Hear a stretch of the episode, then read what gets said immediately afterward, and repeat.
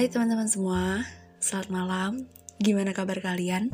Semoga kalian selalu sehat, selalu uh, semangat, dan selalu bahagia dalam menjalani hari-hari kalian. Meski kadang terasa berat, tapi nggak apa-apa. Karena itu bisa aja jadi tempat kita buat belajar, buat lebih kuat menghadapi dunia yang keras ini. Hari ini aku mau ngomongin nasi padang ah. Masa nasi padang sih? Tapi beneran deh Pernah gak sih kalian tuh makan nasi padang Terus kalian ngerasa itu porsinya banyak banget? Sampai kadang sering gak habis Karena aku gitu ya kalau makan nasi padang tuh tapi tergantung tempatnya sih. Kalau aku makan di tempatnya itu terasa kayak kenyang banget kayak nasinya tuh banyak banget.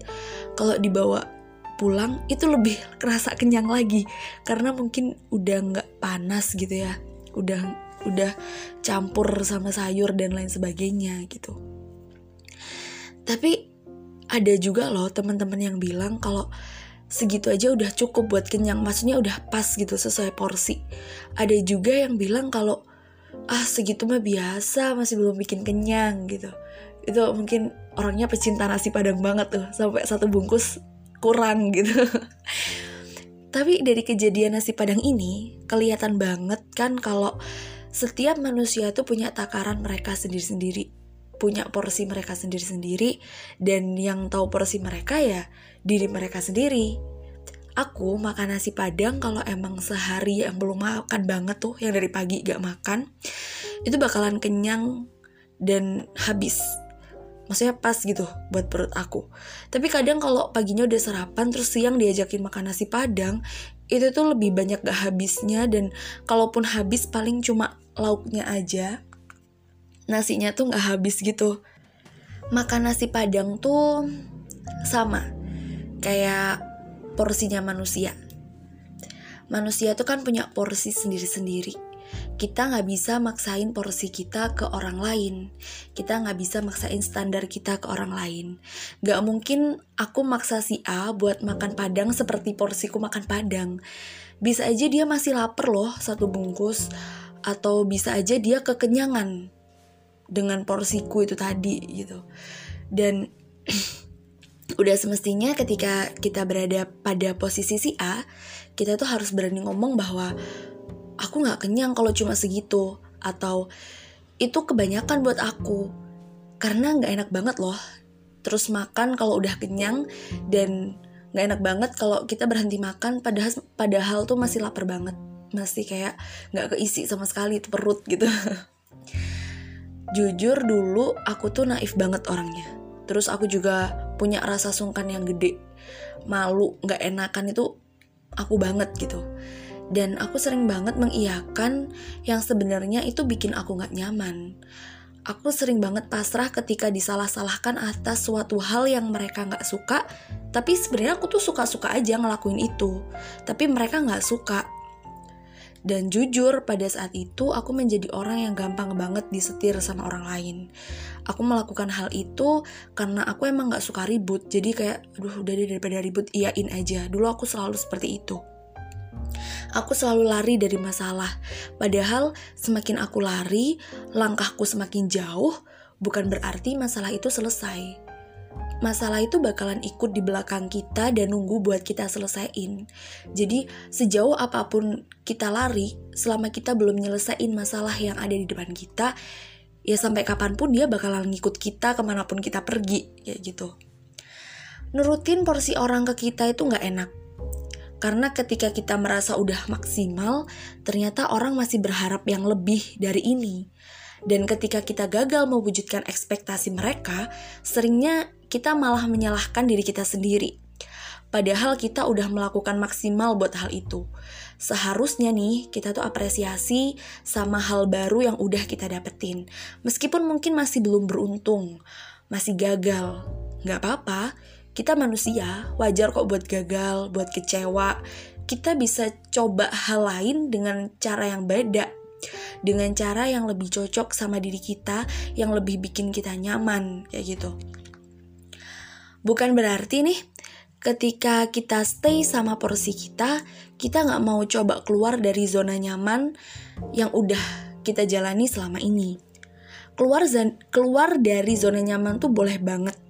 Mencoba hal baru, buat naikin porsi kita, buat naikin standarisasi yang kita buat, itu boleh banget. Tentunya dengan persetujuan diri kita sendiri. Dan bukan karena mau menuhin ekspektasi orang ke kita karena nyaman sama diri sendiri itu penting sebagai wujud dari kita sayang sama diri kita. Kalau sama diri sendiri aja kita nggak nyaman, gimana kita mau sayang gitu sama diri kita.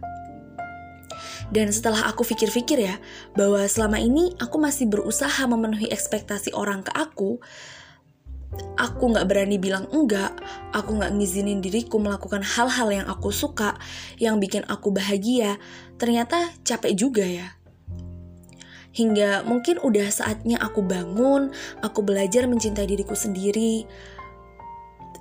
Dan pada saat itu, beberapa peristiwa akhirnya berlalu lalang dan membuat aku belajar bahwa aku harus berani mengambil langkahku. Bukan buat siapa pun, tapi buat diriku sendiri. Sampai suatu pagi, aku terbangun nih dari tidur. Setelah hampir semalaman tuh aku nangis Bangun-bangun aku bicara sama diriku sendiri, sama hatiku bahwa mulai sekarang aku harus bisa mengizinkan diriku bahagia untuk diriku. Karena aku sadar gak semua orang mengerti apa yang sedang aku pikirkan. Gak semua mengerti apa yang sedang terjadi padaku. Apakah aku baik-baik saja? Mereka tuh gak akan ngerti itu. Jadi, Aku harus belajar mengerti diriku sendiri, memahami apa yang aku mau, dan tidak melakukan apa yang tidak aku sukai. Karena cuma aku yang bisa melakukan itu, gitu loh. Orang lain mungkin bisa mengerti kita, tapi di luar mereka mengerti kita tuh kalau dibikin apa persen gitu, mungkin mereka mengerti diri kita, memahami kita tuh cuma 70 sampai 80% dari apa yang kita alami sebenarnya. Karena seterbuka terbukanya kita ke orang, kita masih punya batasan-batasan tentang apa yang nggak bisa kita ungkapkan tentang cukup aku aja yang tahu hal ini kayak gitu tuh kita masih punya hal itu jadi kita harus belajar memahami diri kita sendiri mengerti diri kita sendiri memahami apa yang kita mau dan gak melakukan apa yang gak kita sukain Aku belum seutuhnya menjadi seperti apa yang aku inginkan. Tapi aku sadar semua itu proses. Menjadi aku yang baru juga butuh belajar. Dan aku mulai merasakan bahagia karena aku menemukan diriku yang selama ini aku cari. Meskipun mungkin jauh dari pencapaian orang lain, tapi aku bahagia menemukan diriku dan aku bahagia menjalani prosesku. Aku bahagia menemani sembuhnya lukaku tolak ukur bahagia kan relatif. Nggak bisa kita ukur pakai perasaan kita. Karena itu asalnya dari dalam manusia itu masing-masing gitu. Ada yang bahagia dapat juara kelas, ada yang dapat nilai rata-rata aja udah seneng gitu loh. Nggak perlu jadi nomor satu, aku udah dapat nilai rata-rata aja udah seneng. Ada yang dapat jabatan tinggi, seneng, jadi karyawan di perusahaan yang dia mau tanpa jabatan tinggi udah seneng karena dia emang pengen di perusahaan itu gitu loh bahagia senang puas itu macam-macam bentuknya dan setiap orang punya bahagia seneng puas yang beda-beda. Jadi jangan mutusin kebahagiaan orang lain dengan bilang gitu aja seneng. Lihat nih aku bla bla bla bla terus nunjukin pencapaian yang kamu dapatkan lebih dari orang lain itu itu janganlah gitu loh. Kalian tuh nggak tahu gimana usaha mereka buat mencapai bahagianya teman-teman nggak ada yang tahu betapa bangganya aku dulu waktu aku masih SMA buat mendapatkan nilai matematika 6 Padahal 6 itu di bawah rata-rata. Tapi sumpah dapat nilai 6 tanpa nyontek itu sungguh pencapaian pencapaian yang luar biasa.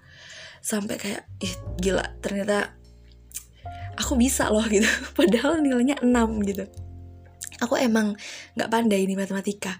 Makanya aku pun menyadari bahwa pencapaianku mendapatkan nilai 6 dalam matematika itu perlu diapresiasi gitu. Dan ya biarin meskipun orang lain dapat nilai 8 suatu saat tuh kalau hari ini aku dapat nilai 6 bisa aja mungkin minggu depan dapat 6,5 bukannya aku meragukan kemampuanku sendiri tapi emang selalu menghargai pencapaian yang saya dapatkan gitu. Jadi teman-teman, ayo kita hargai setiap pencapaian yang kita miliki. Kadang memang butuh pengakuan orang lain buat bikin kita seneng, buat merasa bahwa pencapaian kita tuh diakui sama orang lain. Tapi ketika kita naruh harapan ke orang lain, itu artinya kita juga harus siap kecewa. Jadi kalau kita nggak mau kecewa nih, biar kita nggak kecewa, biar kita nggak terlalu berekspektasi sama orang lain, mending kita belajar buat apresiasi sama apa yang udah kita usahain, sama yang apa yang udah bikin kita ada di posisi ini. Karena aku yakin pengakuan orang lain itu cuma sementara gitu loh rasa senengnya buat kita tapi ke, apa ya kebahagiaan kita kenyamanan kita apresiasi atas pencapaian kita yang kita lakukan buat diri kita sendiri itu bakalan bakalan lebih berbekas buat diri kita sendiri. Dari ngomongin nasi padang sampai pro, anu apa namanya porsi nasi padang pencapaian dan lain sebagainya uh, bisa jadi panjang lebar kayak gini ya. Tapi nggak apa-apa kita emang har harus terus apa ya harus terus membuat nyaman diri kita sendiri membuat kita lebih bangga sama apa yang udah kita dapatkan gak melulu melihat ke atas tapi juga nggak terlena sama yang ada di bawah kita. Gitu aja segini aja dari aksara malam ini. Makasih buat temen-temen yang setia dengerin aksara setia dengerin aku ngomong makasih banget buat temen-temen yang udah ngasih ide-ide buat konten-konten yang aku tulis, yang aku bahas. Buat teman-teman yang mau sharing, bisa langsung di IG-nya aksara underscore ataupun langsung bisa cerita, bisa sharing, bisa uh, apa berbagi tentang apa sih kebahagiaan kalian gitu. Apa sih yang masih ganjel dalam pencapaian kalian gitu. Mungkin aku nggak bisa ngasih saran yang bagus, cuma percaya apa nggak percaya kalian tuh ketika menyalurkan bukan menyalurkan ya ketika kita berbagi cerita sama orang lain sedikit beban kita itu bakal kayak apa ya berkurang gitu. Itu kepercayaan aku sih. Kalian bisa sharing di emailnya aksara.m10 at gmail.com aku tunggu cerita-cerita kalian. Uh, cukup aja buat hari ini. Sampai ketemu di podcast selanjutnya